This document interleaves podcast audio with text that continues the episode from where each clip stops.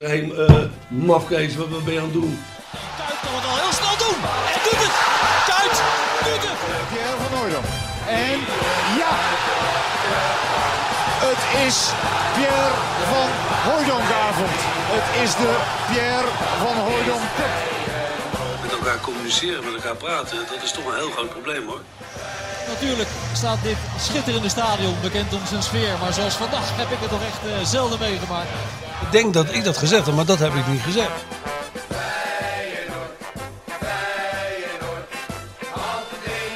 Dik voor elkaar, seizoen 1, aflevering 4. Je bereidt je voor op een tripje naar de Gironde. Met de, oceaan, de ruisende oceaan op de achtergrond. Een, een weide waarin in, in Dizzy kwispelend achter een stok aanrent. Maar we zitten in Zierikzee. Ja, maar dat is ook leuk. Ja, dat, dat, dat weet jij. Ja, maar het is coronatijd. Dus alles verandert. Zelfs de vakantieplannen van de bestsellerauteur veranderen. Want uh, ja, ik had het dus helemaal voor elkaar in dat Frankrijk. Ik had een geweldig huis gehuurd voor twee weken. Dizzy uh, had uh, de goedkeuring gegeven. De leidinggevende thuis had de goedkeuring gegeven. Dus we waren er klaar voor. Maar goed, toen ging het op een code rood en zo. En uh, nou, dat kan echt niet. Nee. Dus uh, toen zijn we in, uh, dachten we van uh, iets dichterbij. Toen zijn we in Zierikzee terechtgekomen. Maar nou, dat is ook niet verkeerd. Nou, jij zegt iets dichterbij. Dus ik rij hier naartoe. En op een gegeven moment kom je toch op een soort, soort eenbaansweg. Waar, waar je toch het idee hebt dat je toch richting Frankrijk gaat. Ja, maar dat moet jou toch bekend voorkomen. Want jij hebt hier nog gewerkt. Nog, jij ja, hebt de, de Zeeuwse lezers van de PZC nog heb jij uh, verrast met je analyses. Ja, dat is dus, wel waar. Ja. Ik heb hier stage gelopen ja. bij de Provinciaal Zeelse Courant. Ja. En er zijn heel veel mensen in de voetbalwereld die denken, was er maar gebleven. Maar... Dat weet ik wel zeker dat heel veel mensen zijn die dat denken, ja. Maar ik was niet de enige. Taco van der Velde komt daar vandaan. En Maarten Wijfels heeft er ook stage gelopen. Dus het was wel een krant waar je op, uh, op, op, sportgebied wel veel kon doen. En ja. dat was ook de reden dat ik daar natuurlijk naartoe ging. Ik was nog nooit in Zeeland geweest. Ja, misschien een keer op vakantie of doorheen gereden. Ja. ja, en dan kom je hier en dan ga je er wonen. En dat is dan toch wel een andere wereld, maar een, een, een, wel een leuke wereld. Ik zat daar in een, uh, aan de Scheldestraat, ik zal het nooit vergeten, in een, uh, in, in, in, een huis, in een soort grachtachtig pand met uh, twee meisjes die studeerden voor verpleegster aan een academie die je daar ook had. Dus ik werd aan alle kanten in de watten gelegd, ik hoefde niks te doen. En ja, ik heb daar wel drie hele leuke maanden gehad bij, dat, bij die PZC. Ja, het is, het is ook Feyenoord gebied, hè, Zeeland. Heel veel Feyenoord supporters. Van huis uit al. Ja, die komen. Je ziet al die, uh, die auto's uh, die kant op gaan. Hè? Ja. En wat Zeelse spelers, volgens mij Bart Nieuwkoop is volgens mij een, een, jongen die hier vandaan komt. Ja. De Nooier heeft natuurlijk nog eventjes bij, bij Feyenoord gezeten. Peter van Vossen. Peter van Vossen. Ja, het is, het is een soort Feyenoordland. Ja, nee, zeker weten. Ja. Maar je hebt het naar je zin hier. Ja, joh.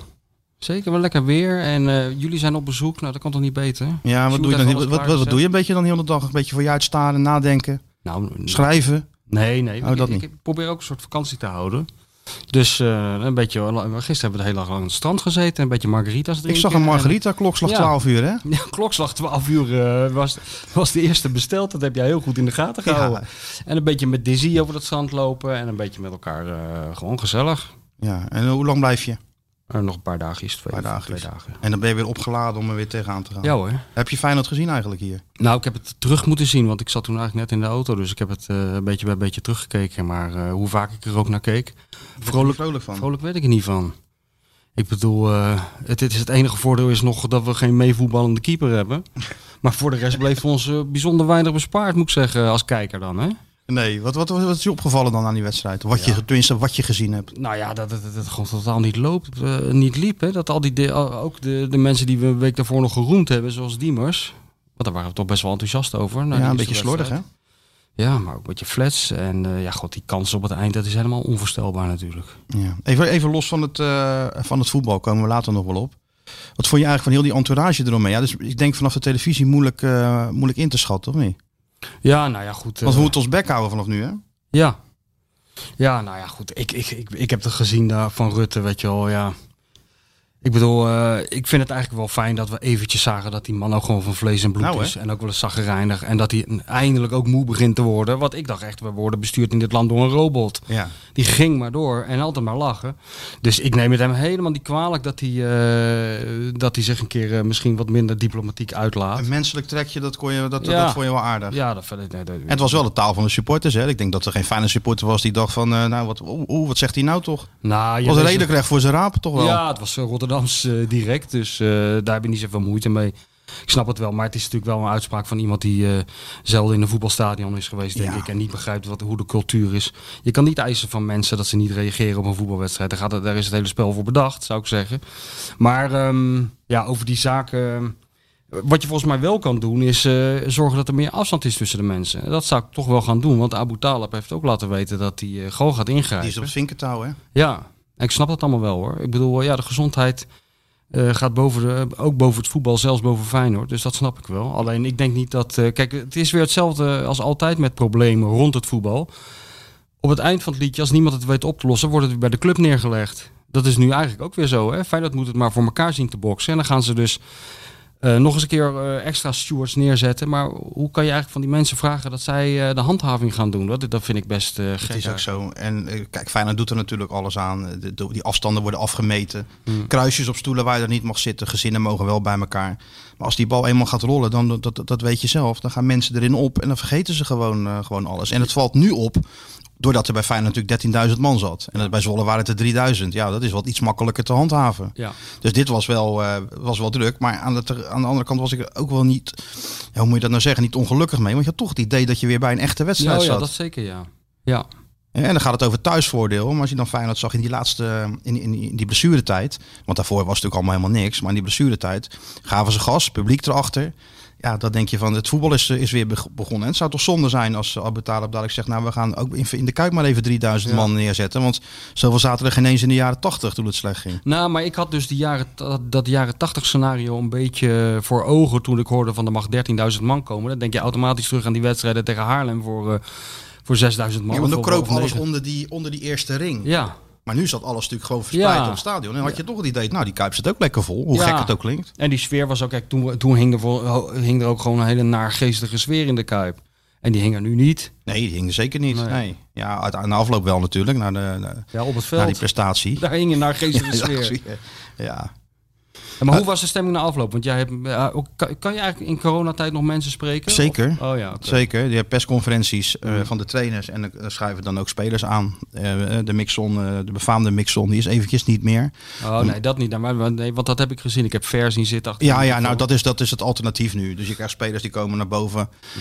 in een eh, wedstrijdshirt. en gaan even achter die tafel zitten en roepen wat. En eh, nou ja, goed, dan hebben de kranten de quotejes en, en de televisiecamera's ook. Maar ja, Ja, dan ramt die quotejes, man. Ik, Ja. Dan zit die ver daar. Het eerste wat hij zegt van... Ja, we, we wat zei hij nou? We begonnen niet scherp genoeg. We begonnen ja te slap. nou, dat zag iedereen. Ja, dat hebben we gezien, ja. Maar de vraag is, hoe komt dat? En hoe kan dat? Ja, en dat is natuurlijk de hamvraag. Dat weet eigenlijk niemand hoe dat nou kan. Hm. Zelfs advocaat weet het niet. Ja, die hebben natuurlijk wel nog even gesproken. Eerst op de persconferentie en ook even na afloop bij zijn, bij zijn auto. Wat een auto is trouwens. Ja, dan kunnen we het is een podcast. We kunnen natuurlijk alles zeggen. Maar. Er zit, volgens mij zit daar een stewardess in. dat was echt niet normaal. Ja, maar is die auto zo groot? Want Dick is klein, Nee, hè? nee, die auto Dick is, ook klein, echt. dus- Ja, maar die auto is ook echt heel groot. Oh, Oké. Een soort BMW, de, de grootste BMW die je kunt, eh, kunt bedenken. Met een motor erin. Ja, het, echt, het, is, en, het was altijd een Mercedes-man, Dick. Ja. En nou is hij toch, hij toch de switch gemaakt richting eh, het merk dat, eh, dat, dat de club sponsort. En ja, zoals het een, een conservatieve trainer betaamt, heeft de conservatieve trainer de grootste auto. Ja. En niet de sterspeler. Nee. Maar goed, bij die auto, tegen die auto aangeleund, hebben we nog een tijdje met, eh, met advocaat staan praten. Ja, die maakt zich niet meteen hele grote zorgen. Tegelijkertijd ziet hij natuurlijk wel dat het niet goed was. En dat er te veel spelers uit vorm waren bij, bij Feyenoord. Ja, en als je dat hebt, heb je meteen een probleem. We hebben natuurlijk Feyenoord hier geprezen voor het feit dat ze de, de, de selectie redelijk bij elkaar hebben gehouden. Ja. En, en als er niks gebeurt, zouden ze hem in ieder geval mee moet- moeten kunnen doen om het kampioenschap. Maar als Berghuis dan niet in zijn beste vorm steekt, als Senesi eh uit vorm is en, en, en zwak speelt, als dat ook nog eens geldt voor, eh, voor het middenveld, ja, dan zie je, kom je toch al snel in, eh, in problemen. En dat is dus het koord waarop ze een beetje balanceren. Zit het mee, is er niks aan de hand. Maar je hebt ook wel eens dagen dat het tegen zat. En vorig jaar waren die er ook. Alleen toen slaagden ze erin om zo'n wedstrijdje te winnen. En nu niet. Dus advocaat gaat die groep deze week bij elkaar roepen.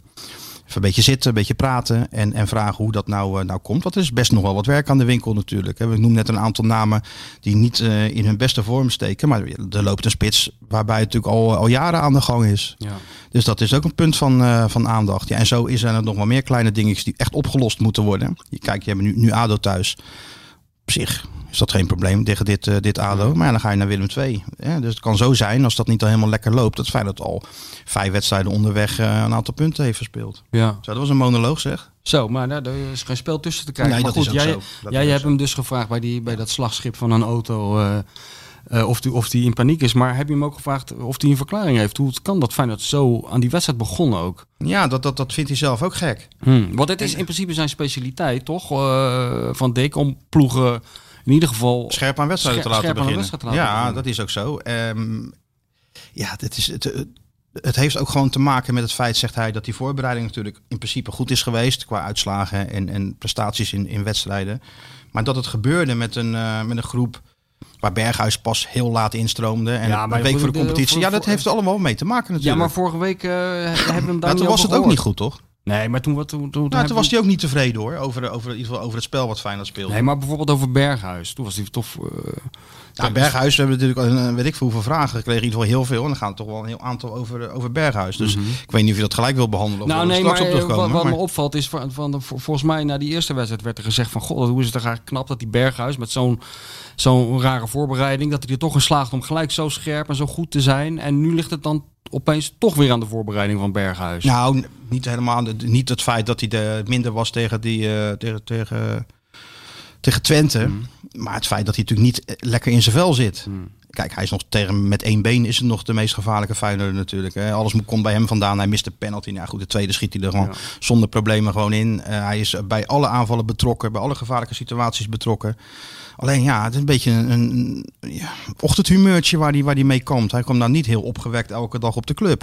En dat valt de, de, leiding bij Feyenoord natuurlijk ook wel op. Of in ieder geval de trainer. Hè, we zitten in, de, in midden in de voorbereiding. Ehm, ook tot oktober duurt die window. Die nadert nu zijn einde. Dus iedereen begint toch wel een beetje met zweet in de handjes ver- uit te kijken. Nou, ja, gaat er nog wat gebeuren met onze sterspeler? Ja, en ik, ik sluit het niet uit. Nee?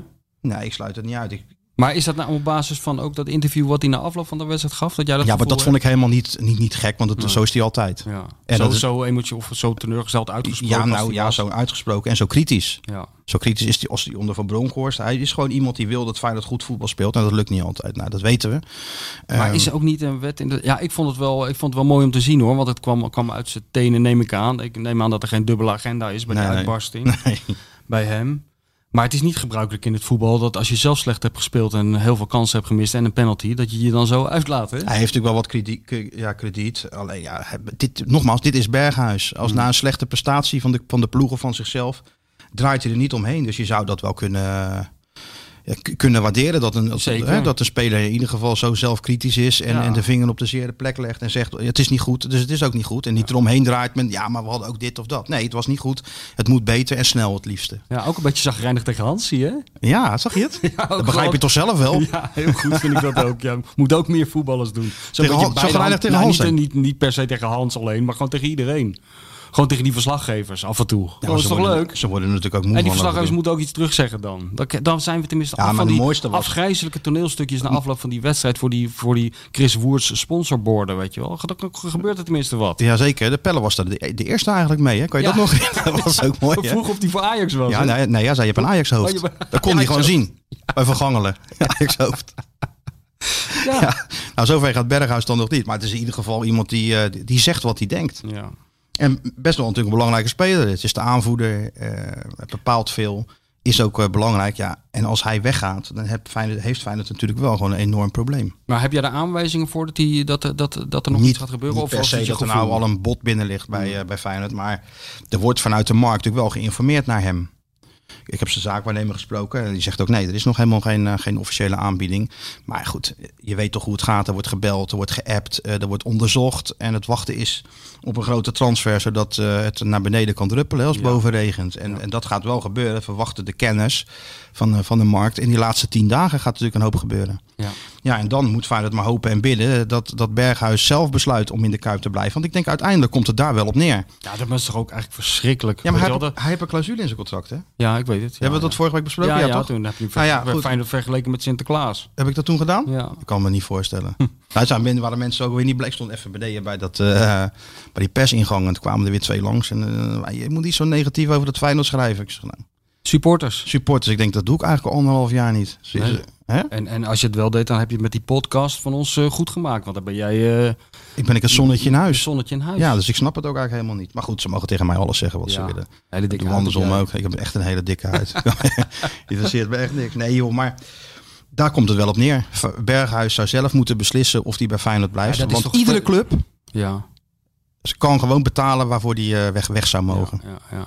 Maar Zelfs het is verschrikkelijk dat Feyenoord dus afhankelijk, ja, afhankelijk is van, van, van het humeur van Berghuis. Of die zin heeft om weg te gaan of niet. Ja, dat, Weet je wel, dat, dat is toch het scenario wat er nu een beetje geschetst wordt. Als die weg is, dan, ja, wat blijft er dan over? Weet je nou, wel, dat is heel een beetje veel. het idee. En, en dat ze dus een andere oplossing moet moeten verzinnen. Maar dan eh, haal je natuurlijk wel gewoon alles weg uit het, uit het elftal.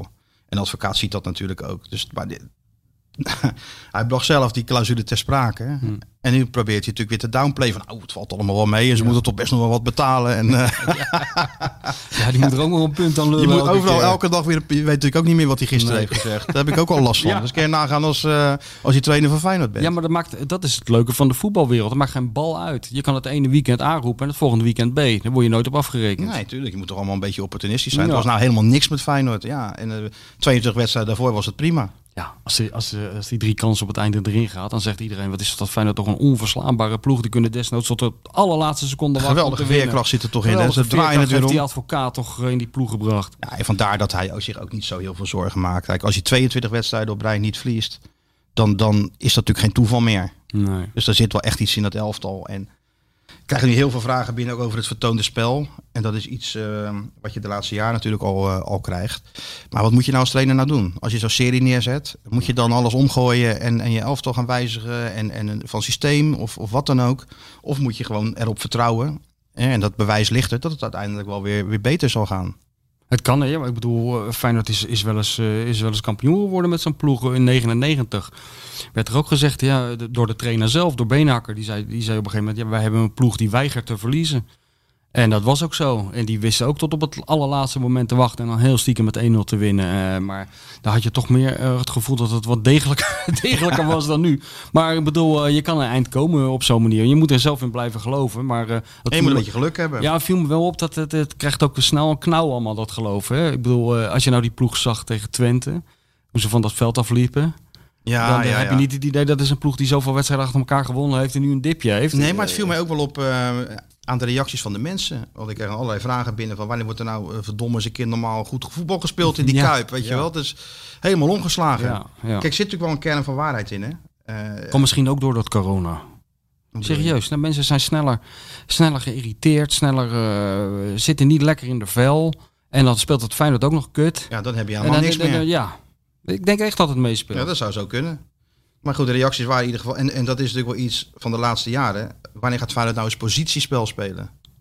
Heb jij het meegemaakt als, als, als, als watcher van Feyenoord... dat, het, eh, nee, maar dat er Barcelona achter voetbal werd gespeeld? Nee, nee, helemaal niet. Maar de, nee, dat heb ik nooit gezien. En Nee. ik, ik heb er ook nooit zo op gelet, want je verwacht dat niet. en dat interesseert me ook eigenlijk helemaal niet. Weet je wel? Eh, nee, ik zou niet, daar heb ik ook helemaal geen antwoord op. Geen idee. Nou ja, de enige trainer die er eigenlijk in is geslaagd... is Fred Rutte geweest. Hm, ja. ging met pek en veren die Kuip weliswaar uit. Toen, eh, toen ze vijfde of zesde stonden en na de winterstoppen ineens stortten. Maar die periode daarvoor en, en, en zeker rond de winterstop en erna... speelde Feyenoord echt goed voetbal. Ik kan me de thuiswedstrijd tegen Sevilla nog herinneren. Die ze dan, eh, die ze dan wonnen. Ja, daar zat alles in. Beweging, eh, positiespel. Alles wat je van een, van een goed voetballende ploeg verwacht. Maar dat is daarna nooit meer geweest. wa- Was dat de inbreng van de trainer of was dat het materiaal wat hij... Nee, dat was wel de in- de inbreng van de trainer. Hmm.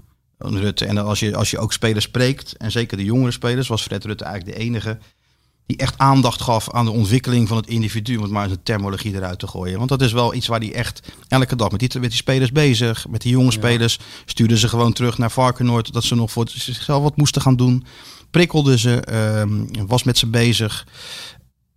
En dan zie je uiteindelijk dat dat, eh, eh, dat dat wel resultaat opleverde in de manier van voetballen. Hè? Maar ik weet ook nog wel dat hij de eerste training kwam en dat hij positiespel ging spelen. En dat hij eigenlijk schrok Ja, van het, eh, van het niveau. ja.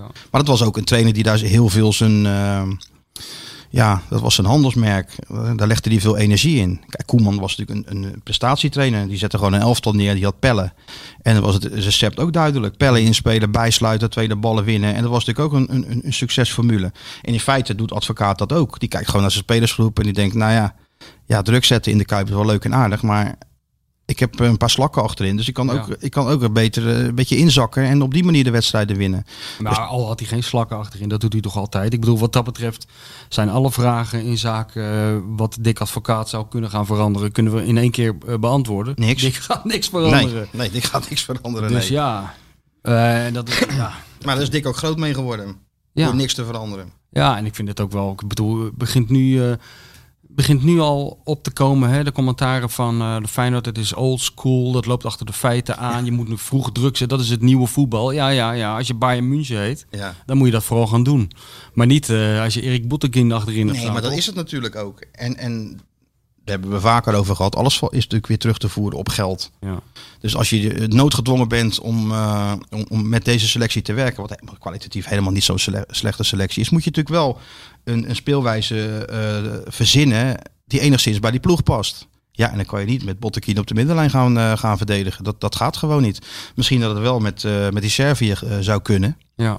Maar Senesi, dat is weliswaar een goede speler, maar toch ook niet comfortabel met heel veel ruimte in zijn rug. Dus ja, een trainer is natuurlijk niet gek. Die kijkt gewoon naar welke spelers hij nodig heeft en wat het beste, wat het beste speelwijze is. En gaat daarmee aan de slag. Ja. Hè, zo doet advocaat het al 50 jaar. En daar is hij niet onsuccesvol mee Nee. geweest. Maar ja, die vragen komen toch ieder jaar weer. Of nou onder Van Bronckhorst was, Koeman, waar blijft het positiespel? Misschien moeten we maar besluiten dat Feyenoord geen ploeg is om eh, positiespel te spelen. Dan zijn we er vanaf. Ja, Eh, Feyenoord heeft weer andere kenmerken die eh, een wedstrijd ook aantrekkelijk kunnen Ja. maken. Dat is ook zo. Zullen we een paar vragen doen? Mhm. Vind jij dat de matige Koksu niet plaats moet, zou moeten maken voor Toornstra? Vraagt Mark Dick. Ja, je weet niet, op basis van die wedstrijd van gisteren natuurlijk wel. Je weet niet wat het met zo'n jongen doet, hè? Of, of, het, eh, of je hem daar heel erg mee helpt om, om hem nou op de bank te zetten. Hè? Je, ja, je moet toch een beetje kiezen voor, eh, voor of direct, resulta direct resultaat waar je op hoopt met, eh, met Toornstra. Je moet ook rekening houden met wat dat met die, met die andere jongen doet. Ja, wat vond je trouwens van heel die discussie over Toornstra? Dick was het ook zat, hè? Dus op een gegeven moment, hij krijgt gewoon zijn salaris. En eh, je, Ja. je moet gewoon niet zo zeuren als een keer een speler niet speelt. Ja, is ook zo. Maar goed, joh, dat hoort toch allemaal bij dat toneelstuk rond dat voetbal. Dat we zeuren over wie er wel niet Ja, speelt. Als we moeten wat te doen hebben. praten over die elf die spelen, dan zijn we snel uitgeluld. Dus eh, ach, ja, in principe heeft hij gelijk natuurlijk. En, maar ik vind het een beetje, Toornstra die zeurt toch nooit? Die gaat nooit, loopt nooit met huilverhalen halen Nooit. naar de pers of haalt uit naar, eh, of speelt vieze spelletjes. Nee, die jongen die gaat gewoon weer hard trainen en die komt er vast wel weer een keer in. Ongetwijfeld, ja. Dat, dat vind ik altijd wel, nee, maar dat vind ik wel knap van zo iemand. Ja, misschien moet hij dit een keer wel doen. Want hij komt altijd aan de het beurt niet- natuurlijk. Het zit niet in hem. dat Dit- zit niet dat in heb hem. je altijd in selecties, toch? In die, een, iemand die te aardig is, te lief is en daardoor het gewoon eh, eh, ja, een beetje op het tweede plan komt als hij niet uitkijkt. Dat heb je altijd. Ja, en daar moet, je, daar moet je gewoon niet te veel van hebben. Nee. En het, het voordeel van Feyenoord is dat er natuurlijk in het verleden ook veel spelers zijn geweest die, ja, die daar wel gewoon een beetje van zich afbeten. Die er wel een beetje scheid aan, eh, aan hadden. Ja. Kijk, Berghuis bijvoorbeeld, om er even om terug te komen. Ja, dat is toch iemand... Ik zeg niet dat ze bang voor hem zijn intern, maar die bijt wel van zich af. Die zegt wel wat hij denkt. ja, dat is wel fijn. Iemand met een beetje, beetje karakter, dat is altijd goed, vind ik. Maar je ziet het ook, ja, hij is het gezicht van dit Feyenoord.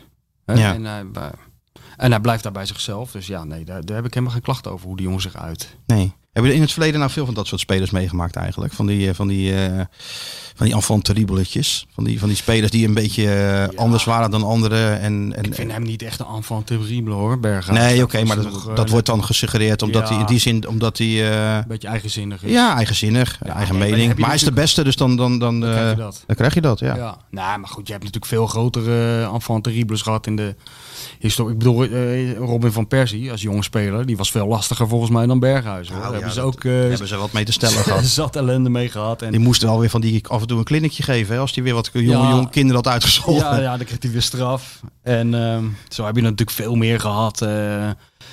Maar in het verleden van Feyenoord, in de jaren zeventig, had je natuurlijk echt, echt de enfant terribles, weet je wel. Dat, eh, en ik heb die altijd heel graag opgezocht, ook na hun carrière. In, in, de grootste, eigenlijk de grootste was natuurlijk Willem van Hanegem zelf, als speler. In feite wel. Ik, ik kan me nog herinneren dat Fred Blankenmeijer zei dat, eh, dat, ze, dat Feyenoord op weg was naar een Eu- Europese wedstrijd. Ik denk een oefenwedstrijd. En dat Willem geen zin had. En dat hij gewoon, ik kwam gewoon niet opdagen. Kijk, die jongen van eh Heracles, was het? Die stuurt tenminste nog een appje naar zijn trainer.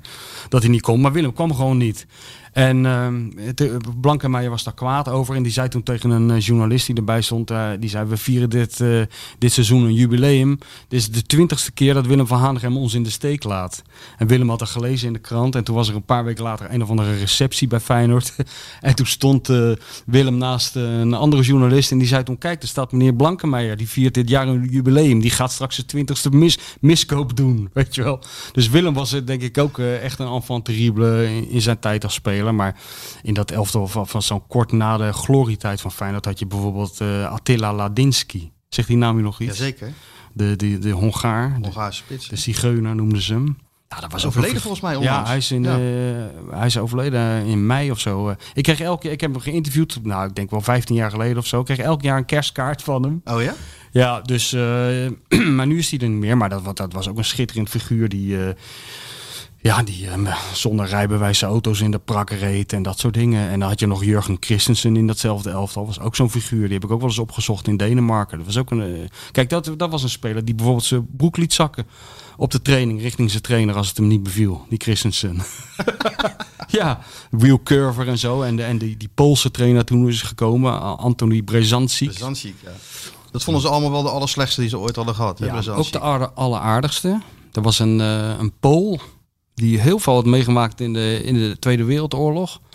Die was, eh, zijn vader was verzetstrijder in Krakau. Die was gefusilleerd. Toen is hij gevlucht. Is hij opgepakt. Weer gevlucht. Weer opgepakt. In de concentratiekamp gezet. Teruglopend naar Polen. Maandenlang. En via allerlei omzwervingen bij Feyenoord terechtgekomen. Een keurige man. Getekend door de Tweede Wereldoorlog. Wat hij allemaal had meegemaakt. Feyenoord was toen in de periode dat er eigenlijk een beetje orde op zaken moest worden gesteld. Eh Wiel Curver was eh, net weg en Rinus Israël was gestopt. De, hiërarchie in dat elftal was een beetje kwijt. Willem van Hanegem had iets te veel macht. Dus er moest eigenlijk een trainer komen die de zweep erover legde. En toen kwam er dus een totaal onbekende Pool met een naam die je alleen bij Scrabble goed kon gebruiken. Brezantziek. En eh, met een pijp. Ik heb dus in die archieven wel eens zitten kijken van die foto's. Er is geen één foto te vinden van die man zonder pijp. Was aan hem vastgegroeid. nou, onder de douche rookte hij nog pijp, denk ik. Dat is niet te geloven. Hele aardige man. Maar die had één stelregel. Die zei, ik heb in het concentratiekamp zoveel schreeuwende mensen en onmenselijkheid om me heen gezien. Ik heb me voorgenomen nooit te schreeuwen. Dus dat was de trainer die de zweep eroverheen moest leggen. Nou, dat liep niet helemaal goed af. En eh, daar, die, eh, ja, die, die had er ook van die middeleeuwse trainingsmethodes. Dan moesten ze met zandzakken lopen. Maar ik heb die oude VI's wel eens opgeslagen toen ik Christensen ging opzoeken in Denemarken. Wat voetballers toen zeiden over hun trainers in de openbaarheid. Kijk, nu, nu is iedereen zit zich druk te maken over Berghuis, omdat hij, omdat hij een beetje zagrijnig kijkt. Dat vindt, vindt iedereen al een behoorlijk statement van zo'n ja. jongen. Maar Christensen die zei gewoon, als ik de kuip binnenrij, ik zie die kop van die vent, dan draait mijn maag zich al om. Dat was de eerste zin in het interview. Dat was echt goed. Hij is een schitterende gozer. Hij leeft nog steeds Christensen. Hij heeft dus een heel klein café in eh, Keugen. Als ik het goed uitspreek. Ben ik dus heen geweest. Dat Café Magic heet dat. Ik doe die deur open. Er zaten twaalf mensen aan de bar. Alle twaalf stomdronken. Jurgen zelf was ook al behoorlijk eh, onderweg. En toen hebben we die oude plakboeken zitten doornemen. Nou, dat was een onvergetelijke middag. Ik geloof het gelijk, ja. Ja, Arnessen was ook gek van hem. En, en hij gaf Christensen als voorbeeld van een speler... waarvan men nu zegt dat hij niet bij Feyenoord past. Maar die liep natuurlijk ook nooit achter een tegenstander aan. Maar hij Nee. deed geniale dingen. Weet je hoe hij zichzelf noemde? Hij, zijn, zijn handelsmerk vind ik ook zo mooi. Was de solo, de slalom. Dat zie je ook nooit meer. Weet je wel, tegenwoordig is handelsmerk van iemand is een vrije trap. Maar zijn, zijn handelsmerk was gewoon bal aan de voet. En proberen zoveel mogelijk mensen eh, te, te omspelen. En hij, hij had allerlei bijnamen. Ook uit zijn tijd bij Sparta. Maar zijn, de bijnaam voor, voor hemzelf was de kleine egoïst. Zo noemde hij zichzelf. De kleine egoïst. Later is hij nog naar Berlijn gegaan. Bij Hertha. Eerst is hij gestopt met voetballen. Hij is een paar keer gewoon gestopt ook. Hè? Bij, bij Sparta is hij ook iets beviel hem niet. Dus hij gewoon hup naar huis, naar Denemarken. En toen belde Kessler op, de trainer. Die zei: Wat moet ik doen om jou weer aan het voetballen te krijgen? Toen zei hij: Geld geven. maar later is hij naar Berlijn gegaan. En toen heeft Rob Vente, onze gemeenschappelijke, ja. Rob Vente, onze gemeenschappelijke vriend en journalist, helaas eh, overleden. Die, heeft hem, eh, die had hem toen opgezocht. En eh, die Christensen die hield toen al van een biertje. En die had toen net s'nachts uh, was hij uit de kroeg gekomen. En toen had hij per ongeluk was hij met zijn auto tegen een melkwagen aangebotst. Reed, reed erop dan? Nee, nee, die die geen rijbewijs. Nee, nee, Christensen was, Ja. was de avond voordat Rob eh, kwam. En toen zei Christensen van, ja, ik, ik heb vannacht heb ik een paar biertjes gedronken. Dan ben ik per ongeluk tegen een melkwagen aangereden. En toen schreef Rob dat het volgens Christensen het bewijs was dat melk levensgevaarlijk was in het verkeer. Dat, was al, dat klikte wel met Rob, denk ik. Hoe is Rob Ja. er eigenlijk heen gegaan? Zou hij erheen zijn gegaan dan, joh? Ja, iemand met de trein en met... iemand zal hem hem hebben gebracht gebracht. Ja, ja, maar dat heb je iemand die zijn hele leven geen rijbewijs eh, heeft. Die wordt heel vindingrijk in het, eh, Handig, hè? in het vinden Kan ik misschien een- even met jou Ja. meerijden? Dan zet je me daar af en dan zet je ze toch voor de deur af. Dat weten ze natuurlijk. Ja, ja, ja. Ja, dat is wel grappig, hè? Gewoon helemaal zijn leven nooit een rijbewijs hebben gehad en overal zijn gekomen. overal geweest. Hij ging, hij ging vroeger met Ernst Happel mee eh, de tegenstander bekijken. Hè. Daar gingen ze, zij, zij- hij is bijvoorbeeld met Happel naar Ut Arad wezen kijken. Dat eigenlijk de club die, die de, de neergang van, van het grote Feyenoord heeft ingezet. En dan gingen ze, eh, ja, dan gingen ze in de oude Citroën, geloof ik, van eh, Happel, gingen ze racen daar naartoe met z'n tweeën. Ja, dat was natuurlijk schitterend. Hij vertelde een keer een verhaal dat ze dan, richting dat Roemenië maakten ze een tussenstop, Happel en hij, ergens. En dan waren ze in een hotel. En toen zei Happel, kom maar op, zullen we even gaan zwemmen? En toen zei die Rob, ja, maar ik heb helemaal geen zwembroek bij me. En toen zei Happel van, nou, die kunnen we wel lenen ergens hier bij dat zwembad. En toen hebben ze twee zwembroeken geleend, vertelde Rob. En ze komen in dat zwembad en Rob springt erin en Happel bleef op dat bankje zitten. En Rob zei, waarvoor kom je er nou niet in? Maar die schudde alleen maar zijn hoofd. En toen, Rob zei, ik was midden in dat eh, zwembad. Ik had mijn bril afgedaan, bril afgedaan met die veel te grote zwembroek. En op een gegeven moment begon het te bulderen en te doen. Toen bleek het een golfslagbad te zijn. Dat had je nog helemaal niet in Nederland. Daar heb je nog nooit van gehoord. Dus binnen de kortste keren was Rob zijn zwembroek kwijt. En En zijn bril was hij al kwijt. was hij al kwijt. En toen zei Happel van, "Wat ben je toch een enorme boer. Wij hadden in Wenen voor de Tweede Wereldoorlog al golfslagbaan. Ja, met Happel is hij overal mee naartoe geweest, hè? Ja, dat, Dat was, was een. eh, maar zulke ja, zulke karakteristieke spelers die, eh, ja, die sterven natuurlijk gewoon langzaam uit. Er is, Ja. niks, er is niks aan te doen. Ja, Nee. ik vond het wel grappig, die, eh, die speler van Heracles, die even een appje stuurt naar die Wormoed van ik ben er vandaag niet trainen. Ja. Succes verder tegen Willem II. Ja, dat, dat ben je, dan ben je echt terug in de amateurtijd als je dat doet. Nou, dat kan daar niet eens. Nee. Als jij bij een derde klasse speelt, kan het niet Nee, eens. maar het, is, het heeft toch aan de ene kant ook weer wat. Kijk, er wordt natuurlijk schande van gesproken. Hoe kan zo'n jongen laat zijn ploeg in de steek? En, eh, en dat is allemaal nat dan. Maar ja, als er afspraken zijn gemaakt dat die clubs om tafel zouden gaan. En jij bent de speler van Heracles en je komt van Almere. En je hebt misschien in je leven één kans Ja. om ooit zo'n transfer te maken. Om naar eh, Amerika te gaan, naar Orlando. Jij, bent er wel eens geweest volgens mij. Ja, ja. Ik niet, maar er schijnt een soort door petparken omgeven eh, stad te zijn of zo. Maar goed, dan kan hij dus eh, gaan spelen. Ja, en het- die clubs dreigen er niet uit te komen. Ja, wat doe je dan? Braaf ja zeggen en eh, of van je afbijten. Ik vind dat ook wel weer wat hebben. Je moet er ook in deze wereld een beetje voor jezelf opkomen als wat kleinere speler. Dat wel. En, en eh, ja, er wordt een soort, soort loyaliteit van je gevraagd. Die zo'n club zelf ook zelden aan de dag legt. Want du moment dat er een speler komt voor jouw positie die beter is, dan is de loyaliteit van de club aan jou ook eh, voorbij. Dus, maar ja, goed, het is een beetje onbeschaafd om op die manier te doen. En bovendien, ik denk dat het. Het is ook zo ingegeven, denk ik, door een zaakwaarnemer of zo. Dat vind ik het al minder leuk. Kijk, ik vind het dan leuker als iemand niet komt omdat hij met een of andere twintig jaar jongere vriendin eh, sangria gaat drinken aan de Costa Blanca of zo, zoals George Best. Ja. Dus dan moet je zo verdwijnen. Helemaal geen appje. Gewoon na een week slaat iemand de krant open, een of andere Britse tabloid, en daar zit jij met een margarita in je hand. Die foto en, is heel mooi, hè? En een meisje van 22 in een bikini. Dan ben je echt een hele grote. Dit vind ik een beetje. hmm, Maar ik weet niet of dit is ingegeven door een zaakwaarnemer. Omdat hij gewoon zelf dacht van... eh, dan zou het wel leuk zijn. dan zou het op zich nog wel leuk zijn. Weet je wie ook eh, altijd goed in was? Pierre van Hooijdonk. Voor zichzelf Ja, opkomen. ja, ja, ja, ja. ja, ja, dit, eh, uitgevonden, ja. Ja, ja, we hebben een paar vragen van Pierre binnengekregen. Ik had hem gisteren even op de app, maar hij moest golven vandaag. En Oh. eh, had een paar zakelijke besprekingen. Dus die zullen we in een van de komende weken nog wel bellen. Maar ik kan Ja. me zo herinneren dat die van Hooydonk had dus gewoon echt scheid aan, eh, aan, aan die leiding van Feyenoord ook. En vice versa. ja. Dus dat maakte het allemaal wel, en hij wel spannend daarvan. voor. Hij genoot daar volgens mij die... die Hij vond dat heerlijk. ik weet, volgens mij is hij ook... toen is er ook een beetje een... Is het niet ook een clash met Van der Herik of zo geweest toen? Of haalt Ja. allemaal dingen met elkaar? Ja, en later, die hebben dat toch wel van elkaar kunnen waarderen, weet je wel. Het was hard tegen hard en eh, kijken wie de slimste was. Ja, ja, ja. Maar en de- een beetje bespelen hier, een beetje Ja. bespelen daar. Ja, dat was... eh, Hij goed, eh, ja, die Pierre, ja. Eén ding zal ik echt nooit vergeten en dat past een beetje in dit, in dit wat jij nou zegt over hem zijn. Dat is toch een mentaliteitskwestie die, je- die je dan hebt. Hè? Of voor jezelf opkomen en ook een beetje genieten van die strijd, genieten van tegenwerking. Ik weet nog, dat vond ik eigenlijk een van de indrukwekkendste dingen die ik heb meegemaakt in dat jaar dat Feyenoord de UEFA Cup won. Dat we aankwamen in Glasgow voor die wedstrijd tegen Rangers, weet je wel. En hij natuurlijk als ex-Celtic-speler eh, stond op alle voorpagina's. Toen liepen door die, door die luchthavengebouw. En toen stond er zo'n kiosk en zo'n voorpagina van een krant. En dan hadden ze een foto van Pierre groot op die, op die voorpagina geze- gezet.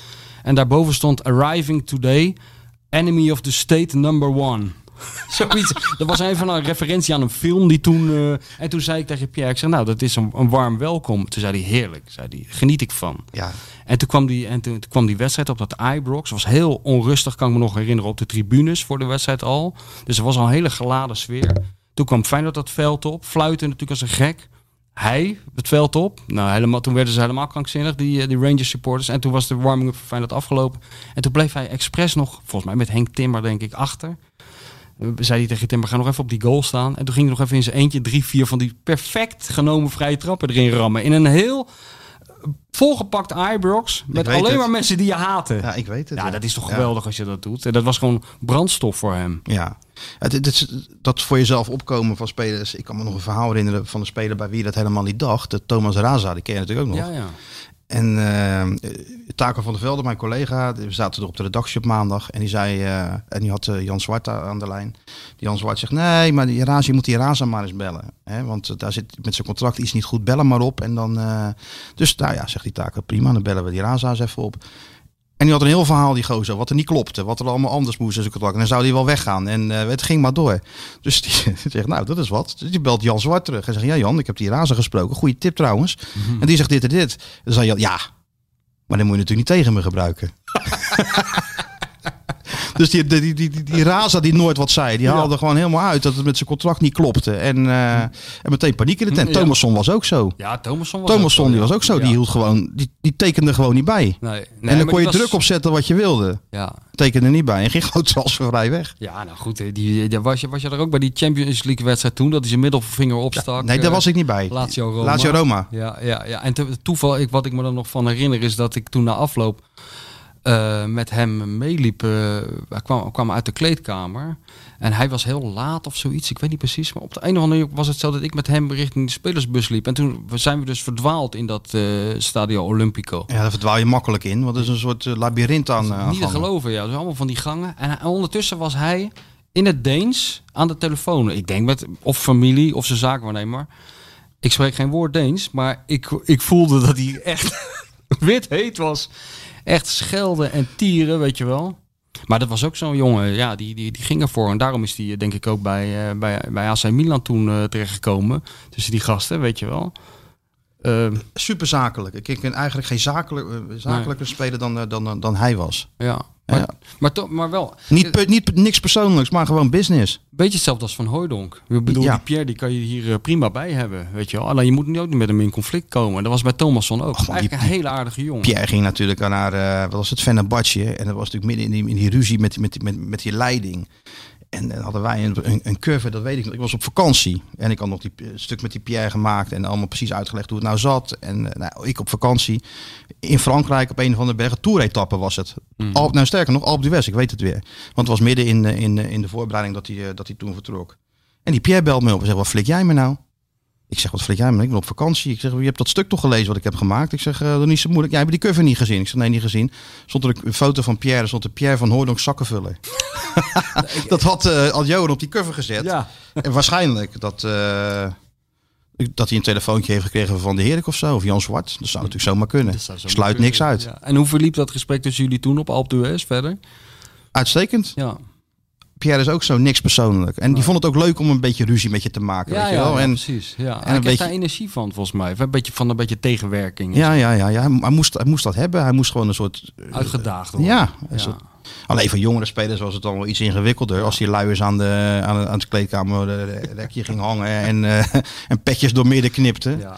Dat was misschien iets minder handig. Maar het was wel een, een, een- een type speler wat je tegenwoordig toch niet meer zoveel, zoveel ziet. Nou ja, alhoewel, weet je wat, je kreeg toen dat, dat het eigenlijk het, het generatieconflict in beeld. Toen, eh, toen Pierre die vrije trap wilde nemen en Van, en, eh, Ja, van dat, Persie was, zei... dat eh, is toch wel een van mijn hoogtepunten geweest Ja. hoor. Dat is echt een Dus van ik, mijn nee, hoogtepunten. maar omdat jij zegt van je ziet het niet meer. Eigenlijk, Van Persie had dat ook weer wel, een ja. nieuwe generatie van een jongetje die, eh, die lekker bij de hand Maar was. een, van, ja, maar een van de weinigen. Want daarna zijn, zijn het toch ook dat allemaal ideale schoonzoontjes Ja, geweest. Maar ja. die van Persie, daar kwam die al te laat. Weet je, dat hij de zomertijd weer niet, eh, eh, niet doorgevoerd ja, is in, in zijn wekkerradio. Wat hij toen had, weet ik veel. Ja. En dan was die vrije trap en dan ging hij er gewoon bij staan. Ja. En op Ah, de tribune, hem ik weet nog zo goed. Dit kan bijna niet waar zijn, dachten we. En we vonden het ook mooi. Hij schoot hem op de lat, hè? Ja, nou, ja nee. ik. Of die keeper pakte hem net, ik weet het eigenlijk niet Hij eens had meer. er natuurlijk in moeten gaan. Hij had er eigenlijk in moeten gaan. Maar en dan wel- die kop van close-up van die kop van Pierre. Maar ik weet, ja, maar dat was natuurlijk het mooie. Wij zaten op die tribune en we wisten natuurlijk, oh, dit wordt echt goud. Want die Pierre, die pikt dit natuurlijk niet. En dat pikte hij ook niet. Nee. Ja, en sindsdien zijn het eh, niet nooit meer de beste vrienden geworden. Hè? Maar dat is wel leuk in die ongelooflijk hiërarchische voetbalwereld. Dat iemand dat doorbreekt. Ja, Weet dat je is wel, dat doet eigenlijk die jongen van Heracles ook. Die doet iets wat gewoon echt niet kan. Dat doe je gewoon niet. En hij doet het toch. Ja, dat is eigenlijk wel heel leuk. Kom even niet trainen. Ja. Succes tegen Willem II. Ja. dat is toch eigenlijk wel fenomenaal. Ja. En tegelijkertijd, die, eh, dat karakter zag je dan ook wel weer terug in die... Want ze kregen die ploeg vaak best wel ver- eh, v- zo ver dat ze erin meegingen. Ja. Hè, dat scheid aan alles hebben. Van Marwijk vertelde me dat verhaal eh, in, in San Siro. Dat ze in die, in die, in die kappa pakken daar stonden. En dat die, eh, die, die Dolce Cabana pakken van Inter het veld opkwamen. En dat Bosveld er zat te kijken van...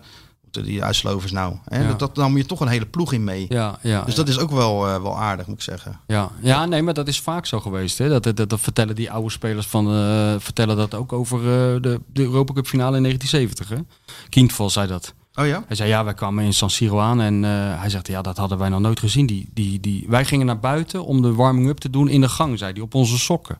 Ook wel een mooi beeld, toch? Kindval op zijn sokken rennen door die gangetjes in San Siro.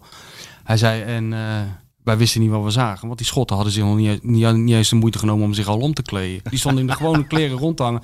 En toen zei hij, het ergste was, en toen keek hij echt alsof hij ging vertellen dat er een eh, massamoordenaar tussen zat. Toen zei hij, het ergste was, een van die mannen rookte een sigaret. En, eh, en toen, zei, eh, toen zei Happel, die begon al tegen die ploeg van... moet je kijken, die gasten denken dat het een makkie wordt. Weet je? Die kleden zich niet eens om. En toen gingen ze het veld op. En toen begon eh, Celtic aan zo'n hele moeilijke warming-up collectief. Wat, je wat toen eigenlijk niemand deed volgens mij. Feyenoord zeker niet. En toen zei Happel tegen Van Hanegem geloof ik van... moet je kijken, aanstellers man, wie denken ze dat ze zijn? En dat gaf ze toch ook een beetje die, die mentaliteit van... we zullen het even laten zien, weet je wel. Dus het is eigenlijk wel van alle, van, van alle tijden. Ja, het is van alle tijden. En bij Feyenoord kunnen we wel honderd verhalen vertellen. Luzern. Was natuurlijk ook zo'n ploegje met eh, wat, wat, wat Feyenoord toen had met Vrezen, De Wolf, eh, Ja. eh, Scholten, noem ze allemaal maar op. Nou, die Dat- was ook, dat zeggen ze altijd, hè, die spelers toen, dat die Scholte, de, de witte Socrates, een van Ja, de beste witte bijnamen ooit, Ja, dat is een dat schitterende hij die bijnaam. een van de gemeenste was. Ik bedoel, ze hadden het over, altijd over Fraser en de Wolf. Hij zei, maar die Scholte was ook zo ongelooflijk gemeen en zo hard. En daar verwacht je het Nee, niet van. Nee, want het hoofd was een bitprentje, maar ondertussen draaide hij je En ballen een enorme eraf. moordenaar. Ja, Maar die vertelde dan dat, dat die intimidatie, wat toen ook die Peter Bos kreeg daar volgens mij, van die René van Eck vertelde me dat wel eens. Peter Bos kreeg daar geel en was geschorst volgens mij voor die return in de Kuip. En dan de Wolf daar al lopen gillen van, in Rotterdam komen jullie aan de beurt. ja. En Van Eck vertelde dat die spelers van Luzern zaten in de kleedkamer. Die durfden er gewoon niet uit. hij wel. Hij kwam natuurlijk uit Rotterdam. Dus hij stond in die tunnel. En, en, en, en, en ja, op kousenvoeten dat veld op. En terwijl ze de warming-up maakten, schijnt de Wolf in de middencirkel te hebben gestaan. Met zijn armen over elkaar. En alleen maar die spelers van uh, hebben aangekeken. Zo intimidatie voordat de eerste Intimidatie voor het eerste. Ja, precies. Ja. Ja, goed is ja, dat. en volgens mij een, een, speler van, wat was het? Porto of zo, knepen ze gewoon in zijn neus omdat hij gebroken was. Ja, ja, maar dat was een veldslag. Toen werd Hans Hagelstein ook in zijn... Volgens mij speelde, was dat het- die, die Kauto? Ja, die had de scheid die aan. ja, Want daar lag de Wolf zelf ineens. Ja, ja, en die spuugde na afloop die Hans Hagelstein in zijn gezicht. Hans Oh, ja. Hagelstein wilde daar nog over reclameren. Van dat doe je toch niet, die wolf voor zijn bek slaan. Nee, die- voordat hij iets kon zeggen, had hij al zo'n eh, zo'n fluim. eh, Ja, dat was ook, ja, was ook een aardige kerel, Hans Hagelstein. De, man, de manager van regende trainingskampen. Zijn we nog een keer langs geweest, weet je nog wel? Ja. Voor een interview samen. ja, ja, Ergens ja. in de Achterhoek woonde die. Ja, zeker. Ja. Hij is helemaal teruggetrokken uit voetbal eigenlijk. Ik ben hem eh, tegengekomen eh, toen er een tijdje geleden, wanneer was dat nou? Een paar jaar geleden een reunie was van eh, dat elftal wat in 99 kampioen. Er was een documentaire over gemaakt van andere tijden sport. En toen hebben ze dat hele elftal weer bij elkaar geroepen. Dat was wel een gezellige middag. Ja, dat begrijp ik. Met Van de Herik erbij ook en eh, Jan Zwart. En, en toen was ook Han- Hans Hagelstein er weer. Ja, want die is weggegaan. Die hebben we eigenlijk helemaal nooit meer teruggezien. nee, die was, die was er klaar mee. En die heeft toch heel lang bij, eh bij Feyenoord gewerkt hoor. Ja, nou en of. Ja. Ja, alle trainingskampen, alles regelde die wel een beetje. Maar het was ook veel over, overzichtelijk, joh. Ja. En dat moet zeggen, dat is nou ook wel weer een beetje terug, hoor. Want er is natuurlijk één, één baas, dat is Dick. ja. En eh, Van Noordwijk regelt wat. En, eh, en, en Arnissen. Nou, maar ik, eerlijk gezegd geloof ik daar wel in. Ik denk dat, je het past ook bij Feyenoord, joh. Ja, ja. Nou, maar bij elke ploeg is het denk ik goed eh, om, eh, om, om dat zo klein mogelijk te houden. Die, Weet je wat, dat, wat dat het punt is? Dat zei Fred Blankenmeijer vroeger ook altijd. Hij zei, weet je waarom het zo onrustig is bij Feyenoord? Altijd, altijd geweest en zal ook altijd zo blijven. Omdat de, dat is de aantrekkingskracht van die club en dat eerste elftal. Hij zei, iedereen wil altijd bij dat eerste elftal horen. Iedereen wil er iets over zeggen. het tegenaan schurken, mee gezien worden, associëren. En eh, daarom vind ik het wel goed dat het gewoon eh, heel duidelijk is. Dik gaat over het eerste elftal, nog een paar mensen. En voor de rest niet, weet je wel. Hey, wat vind je van, eh, om even, we gaan natuurlijk een beetje terug naar de actualiteit. Eén lichtpuntje. Als je nou één lichtpuntje moet noemen van- het Feyenoord wat je gezien hebt in fases de afgelopen eh, periode. dat we geen meevoetballende keeper hebben. dat vind ik een lichtpuntje. Nee, maar dan moet Dick moet helemaal. Dick, maar Dick wil helemaal geen mee. Dick Nee. moet de keeper hebben die ballen tegenhoudt. Nou, die hebben we. Want is toch een goede keeper. Dat is uitstekende keeper. En, dat, en, en het grappige aan... goede keepers gehad, joh, hij ook. Dat is gewoon... Ja, maar het grappige aan advocaat is dat hij altijd kritisch op keepers is. Waar hij ook kwam, de keeper moest eruit. Op een of andere gekke manier was dat de kronkel in zo. mensen last van. Ja? Die, gekke Hans Kraai heeft dat, eh, dat, dat, dat, dat valt mij ook op. Nee, die jongen. Dat valt mij elke keer op. Als het over keepers gaat, die maken een foutje. Dan, eh, heel veel mensen zeggen dan, eh oud voetballers, ja, weg met die keeper. Ballen van, ze hebben een minachting voor de keeper. Gek hè? Ja, dat vind ik gek, ja. Maar ja, kijk, bij PSV hebben ze een trainer die moet een, een, een supersonische meevoetballende keeper hebben. Maar ja, ik heb toch liever een keeper die wat ballen tegenhoudt. En dat is toch een essentieel verschil. Maar Bijlo, uitstekende indruk toch? ja. Zo jong, zo rustig. Ja, joh, niet te geloven. Ik Ja. krijg veel vragen over hem, hoe goed hij nou daadwerkelijk kan worden. Dus misschien moeten we even een, een oude keeper bellen van Feyenoord. Ja. Misschien Nou. Joop Hielen. Ja, Dat was toch ook een keeper die, door de club zelf is opgeleid, toch? Ja, ja, ja. Dat Dus is de wel ra- blijkbaar. Laten ja. proberen. Ja, Wat doet hij tegenwoordig eigenlijk? Dat kunnen we mooi vragen. We hebben hem aan de lijn, eindelijk.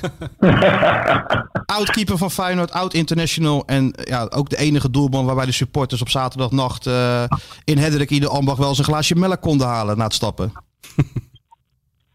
Nou ja, ik, ik heb ook wel eens een paar standjes door de ramen gehad hoor.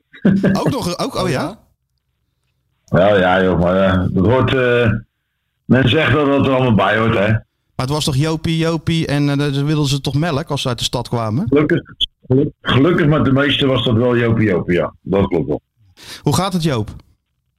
Ja, gaat uitstekend. En met jullie? Met ons gaat het ook goed. Perfect. We proberen, we proberen een podcast op te, ne- op te nemen over, de, over Feyenoord. En we krijgen ontzettend veel vragen binnen over, eh over Bijlo, die, de, de keeper. Ja. En de mensen zijn er heel enthousiast over. De trainer is er heel enthousiast over. Maar wij horen toch ook graag van een echte kenner hoe die er tegenaan kijkt. Wat vind jij van, eh, van zijn optredens tot nu toe bij Feyenoord? Nou, eh, dit seizoen laat hij wel zien dat hij weer de stijgende lijn te pakken heeft. Eh, maar het neemt niet weg dat hij natuurlijk een aantal blessures gehad heeft. Waarin hij de afgelopen jaar buiten het corona gebeuren heel weinig wedstrijden heeft kunnen spelen. Eh, het neemt niet weg dat die jongen, wat ik altijd gezegd heb, een, jongen is met potentie. Eh, en die er zeker zal komen. En of dat dan eh, de, de volgende interlandsperiode is of daarna. Ehm, ik denk wel dat het voor hem belangrijk is dat hij veel blijft spelen bij Feyenoord. Dat hij zijn ontwikkeling daar goed doormaakt. En daarnaast vind ik dat hij ook zoveel mogelijk internationale wedstrijden moet spelen. Dus kijk, als jij als derde doelman bij het nationale elftal komt, dan is dat een eer. Eh, maar je weet ook dat je daar eh, een, eh, ja, niet veel als speler toekomt, of eigenlijk niet. Eh, als hij dan bij Jong Oranje zou kunnen spelen en hij speelt daar 90 minuten elke wedstrijd, dan denk ik dat dat voor zijn ontwikkeling op dit moment misschien wel beter is. Kan hij meevoetballen, Joop? Ja, daar komt het woordje mee voetballen. Ik word er even helemaal dood en doodziek van. van Rustig, gezeik. rustig, rustig. Nee, maar dat schijnt heel belangrijk te Nou ja, zijn tegenwoordig, hè?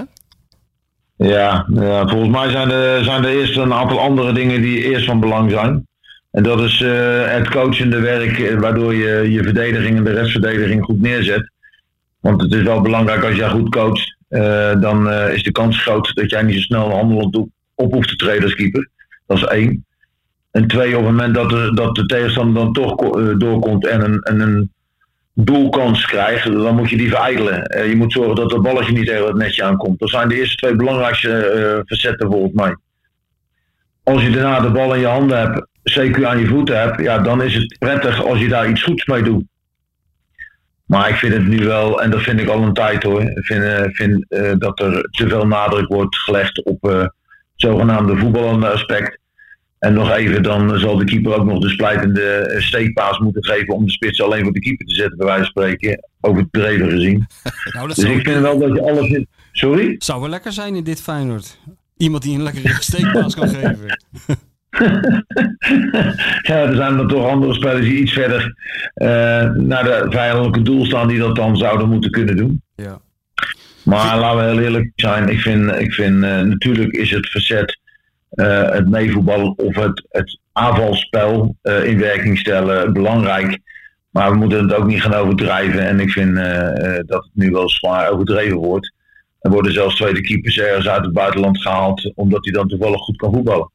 Maar volgens mij gaat het net wat ik zeg, maar op één ding. En dat is in eerste instantie zijn, eh zijn elftal goed coachen, zodat er zo min mogelijk eh, kansen voor de tegenstander kunnen ontstaan. En het tweede moment is dat eh, als de tegenstander dat toch heeft, eh, dat je die bal in ieder geval goed, eh, goed verwerkt. Hij is rustig hè Joop, Bijlo. Valt je dat niet op? Maar ja, dat was hij altijd al. Ook in de jeugdopleiding toen ik nog eh, met hem heb mogen werken. Toen was hij ook al heel rustig. Hij was niet snel eh, van zijn apropos te brengen. En dat is ook wel een beetje, dat is ook wel een, beetje een, eh, een situatie zoals vader en moeder ook waren. Heel nuchter, heel eh, normaal eh, kijkend naar dingen. Eh, en dat heeft hij ook. En, en dat is natuurlijk ook een voordeel voor hem. Hoe oud was jij toen je, de, toen je debuteerde? Want dat weet ik niet eens, meer 20 geloof ik. Ja, dat is ook vrij jong. Is toch niet makkelijk voor een keeper om op die leeftijd in die, bij een club zoals Feyenoord te, te moeten debuteren? Eh, ja en nee. Ja, omdat eh, eh, je eigen kweek bent. Dus de meeste supporters zijn dan wat meer, gene- meer geneigd om een oogje toe, te knijpen. Want net zo goed als dat ik in de beginfase ballen tegen had moeten houden die ik niet tegen had gehouden, eh, heeft Bijlo dat ook gehad. En dan wordt er toch nog wel even een oogje dichtgeknepen. Dus je krijgt daardoor misschien net ietsje meer de tijd om te acclimatiseren dan iemand die van buitenaf komt. En eh, ja, het blijft natuurlijk gewoon, eh, je, je, je speelt- bij een club waar altijd druk is. En of, dat, en of dat die druk reëel is en of de verwachtingspatronen reëel zijn door de buitenwacht, ja, dat, dat is weer een ander verhaal. Eh, ik vind van niet de laatste jaren, ik vind dat Feyenoord een, een goed team heeft, maar niet een team heeft dat zomaar even snel mee gaat doen om kampioen te worden. Dat moet wel de insteek zijn, maar het moet niet het verwachtingspatroon zijn. En Joop, als hij ooit bij Oranje komt en hij is derde keeper, kan die toch gewoon op de bank gaan zitten? Deed jij toch ook? Nee, maar ja, tegenwoordig zit iedereen op de bank. Ah, Je, je hebt volgens mij, als ik naar die banken kijkt, zijn er meer eh, spelers die op de bank zitten dan tegenwoordig eh, met de grote tijd eh, supporters op de tribune. Ja, maar jij deed het gewoon toen dat nog niet het geval was. Ging je gewoon naast, wat was het? Naast Beenhakker, Ja, Beenhakker op de bank zitten in, ja, in Joegoslavië volgens mij. Als ik me goed herinner. Ja, ja. Ja, dat klopt. Ik, eh, ik was ergens niet mee eens en hij kon daar geen goede uitleg op geven. Zeker niet gezien de situatie die, die toen heerste. En er was iets anders mee eh, aan, de, aan de voorslag. Hi- Hing daaraan vast.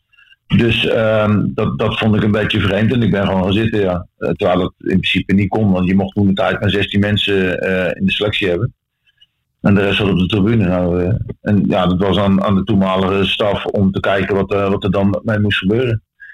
Dat is wel, een, eh, dat is wel gebeurd, ja. Hoe is verder Joop? Wat doe je tegenwoordig? Ik eh coach nog steeds in eerste klasse, uh, Heinoot op dit moment, eh, met heel veel plezier. Ehm, en ik ben al eh, zes jaar op een middelbare school werkzaam als schoolcoach. Dus Ja. ik ben nog steeds coach. Je bent nog steeds coach, maar op een hele, maar op een hele andere manier. Lijkt me leuk, lijkt, ja. me, lijkt me leuk werk. Het is superleuk werk. Het is absoluut leuk werk. Ehm, maar het blijft coachen. Kijk, eh, natuurlijk als je als coach, voetbalcoach bezig bent, zit er altijd nog een balletje bij. Maar ook daar eh, heb je met, eh, met andere aspecten te maken waar je, die ook moet coachen. Dus je bent nog steeds bezig met mensen, jongeren of mensen, of oudere mensen, jongvolwassenen. ja, die, die gecoacht willen worden of gecoacht moeten worden. Nou, en dat, is, dat blijft altijd een leuk fenomeen. Joop, nog even één vraag. Maak jij je zorgen over Feyenoord naar aanleiding van de wedstrijd dit weekend? Nee, weet je, het is net de start. En eh, natuurlijk eh, eh, kunnen er nog heel veel dingen verbeteren. Maar weet je, dat geldt voor PSV en dat geldt voor Ajax, dat geldt voor AZ ook. Dus wat dat betreft, en ook Utrecht die, die heel graag mee wil blazen bovenin. Ja, dan zie je ook dingen die nog niet lopen zoals je misschien hoopt dat ze kunnen lopen. Ik vond Ajax afgelopen week wel aardig voetbal. Maar ja, met alle respect, het was wel RKC en dan ook nog tegen. Uh, weet je, dus ja, dat, dat maakt het allemaal een beetje makkelijker misschien. Maar er zijn dingen die nog moeten verbeteren bij Feyenoord, maar zorgen maakt mij er niet. Oké, Joop. Succes bij Heine Noord. Heb je gewonnen de eerste wedstrijden? Ja, we hebben gewonnen. Ja. we zijn nog maar één competitiewedstrijd weg. Hè. We hebben de eerste uh, met een goede teamprestatie uh, gewonnen, gelukkig. Die kan je maar in de pocket hebben. Vind ik wel. Oké. Hey, hartstikke bedankt. Jo, bedankt. Goed je weer even Tot te snel. Oké, okay, tot snel. Oké. Okay. Hoi, hoi. hoi, hoi. Als we het over karakteristieke keepers hebben, dan was Joop er wel een, hè? Ja, ja, zeker. Ja, een luidruchtige keeper. Ja, was een mooie, mooie kerel. Joh. Ook gewoon maling en alles. Hij vertelde dat over de. Hij heeft het zo vaak verteld dat hij tijdens dat uh, trainingskamp met uh, Oranje in het WK 90 zaten ze in een van de klooster in, ja. uh, in, in, in Joegoslavië. Waar, dan, waar ze een tropenrooster hadden terwijl het 4 graden was ja. of zo. Dus iedereen was bloedzaggerijn. En Joop hoorde dat hij, dat hij niet zou spelen. Of in ieder geval niet eens op de bank zat. En die zei, ja, maar dat, dat zal allemaal wel. Die ging gewoon naast benen ook op de bank zitten. En niemand zei er wat van. en dan zat hij gewoon. Ja, is goed. Mooi toch? Ja, ja, ja. Mooi figuur. Ja, Feyenoord en keepers. Mooie trap. Mooie Kennen trap. we nog, ja, mooie trap. Feyenoord en keepers kunnen we nog eens een keer een hele podcast Goh, overnemen. Ja, daar, daar, daar, daar heb je nou uh, heel weinig zorgen over hoe we maken de... Altijd wel goeie. Ja, altijd goede keepers gehad. Dat was uh, ja. keepers en spitsen. Ja. Keepers en spitsen. Daar kunnen we het over hebben. We kunnen het over van alles hebben, Martijn. Hey, ik zie een boek liggen. Heb je nou een boek oh, meegenomen? Maar je, ik had een boek... Uh, ik, ja, natuurlijk. Ik neem altijd een en boek. deze heb, je niet zelf, ik... deze heb je niet zelf geschreven, zie ik. Nee. Had ik dat maar geschreven, want ik heb echt een mooi verhaal gelezen in uh, de Nieuwe Hartgast. kreeg ik opgestuurd van uh, Willemijn van Dijk. Ik had eerder gezegd nog nooit van haar gehoord, maar dat is onterecht, want ze heeft al eens een keer een prijs gewonnen. En zij is familie van de commercieel directeur volgens mij bij, bij Feyenoord. Ja. Joris van Dijk. Maar anyway, zij heeft echt een mooi verhaal over de Kuip geschreven. De geschiedenis van de Kuip. Zij is, zij is verre familie van de man eigenlijk die uh, Feyenoord aan zijn eerste stadion heeft geholpen. De Kromme Zandweg. Hè, Feyenoord is begonnen in, uh, op Rotterdam-Zuid gewoon op straat. Uh, en die moesten, die moesten daar weg van de gemeente. en die hebben toen een braakliggend terreintje aangeboden gekregen op de Kromme Zandweg. Nou, daar is het eerste stadion van Feyenoord uh, ontstaan. En uh, dat familielid van haar stond, was ook aanwezig bij de eerste wedstrijd tegen Beerschot in 1937 bij de opening van de Kuip. Maar in ieder geval, zij heeft die familiegeschiedenis gebruikt als een soort kapstok om een heel mooi uh, verhaal over uh, Feyenoord en de Kuip te schrijven. Dus als er mensen zijn die zich vervelen en deze podcast, ik neem aan dat mensen deze podcast meerdere keren luisteren omdat het allemaal zo interessant is. Maar ja, omdat, ook, omdat, omdat er van die dubbele lagen in zitten Ja. en dat je toch elke keer weer tot nieuwe inzichten Ja. komt als je, een- als je het herbeluistert. Overigens belt nu mijn eh, vrouw, want ik ben gewoon op vakantie. Ja. Eh, dus ik ga er gewoon mee kappen met die podcast. Ik, ik bedoel, eh, Staat de Margarita alweer klaar, ik, denk ben, je? ik ben er klaar mee met deze podcast. Staat de Margarita klaar? Dat is mag ik wel half één, dus Half het, één, we lopen 36 minuten achter op schema. het lijkt me dan een goed punt. Misschien kunnen we er ook een nemen, Stuart. Hè? Toch? Stuart heeft weer het geluid uitstekend geregeld, hopen we. Dus die verdient ook wel een... Eh. Bijlo en Sjoerd, dat zijn de twee mensen waar we geen klacht over hebben. jong, stabiel, Ja, stralen rustig. rust uit. Ja, En volgende week zitten we weer gewoon in Hartje Rotterdam. ik denk het wel. Ja, Dus het was geen eh, Frankrijk, maar eigenlijk was Zierikzee ook, eh, ook best prima. Ja, toch? Ik doe mijn best voor jullie om het een beetje aantrekkelijk te maken, jongens. Meer Zijn we je dankbaar voor. En nu op die eenbaansweg weer snel terug naar de bewoonde wereld. Mafkees, wat, wat ben je aan het doen?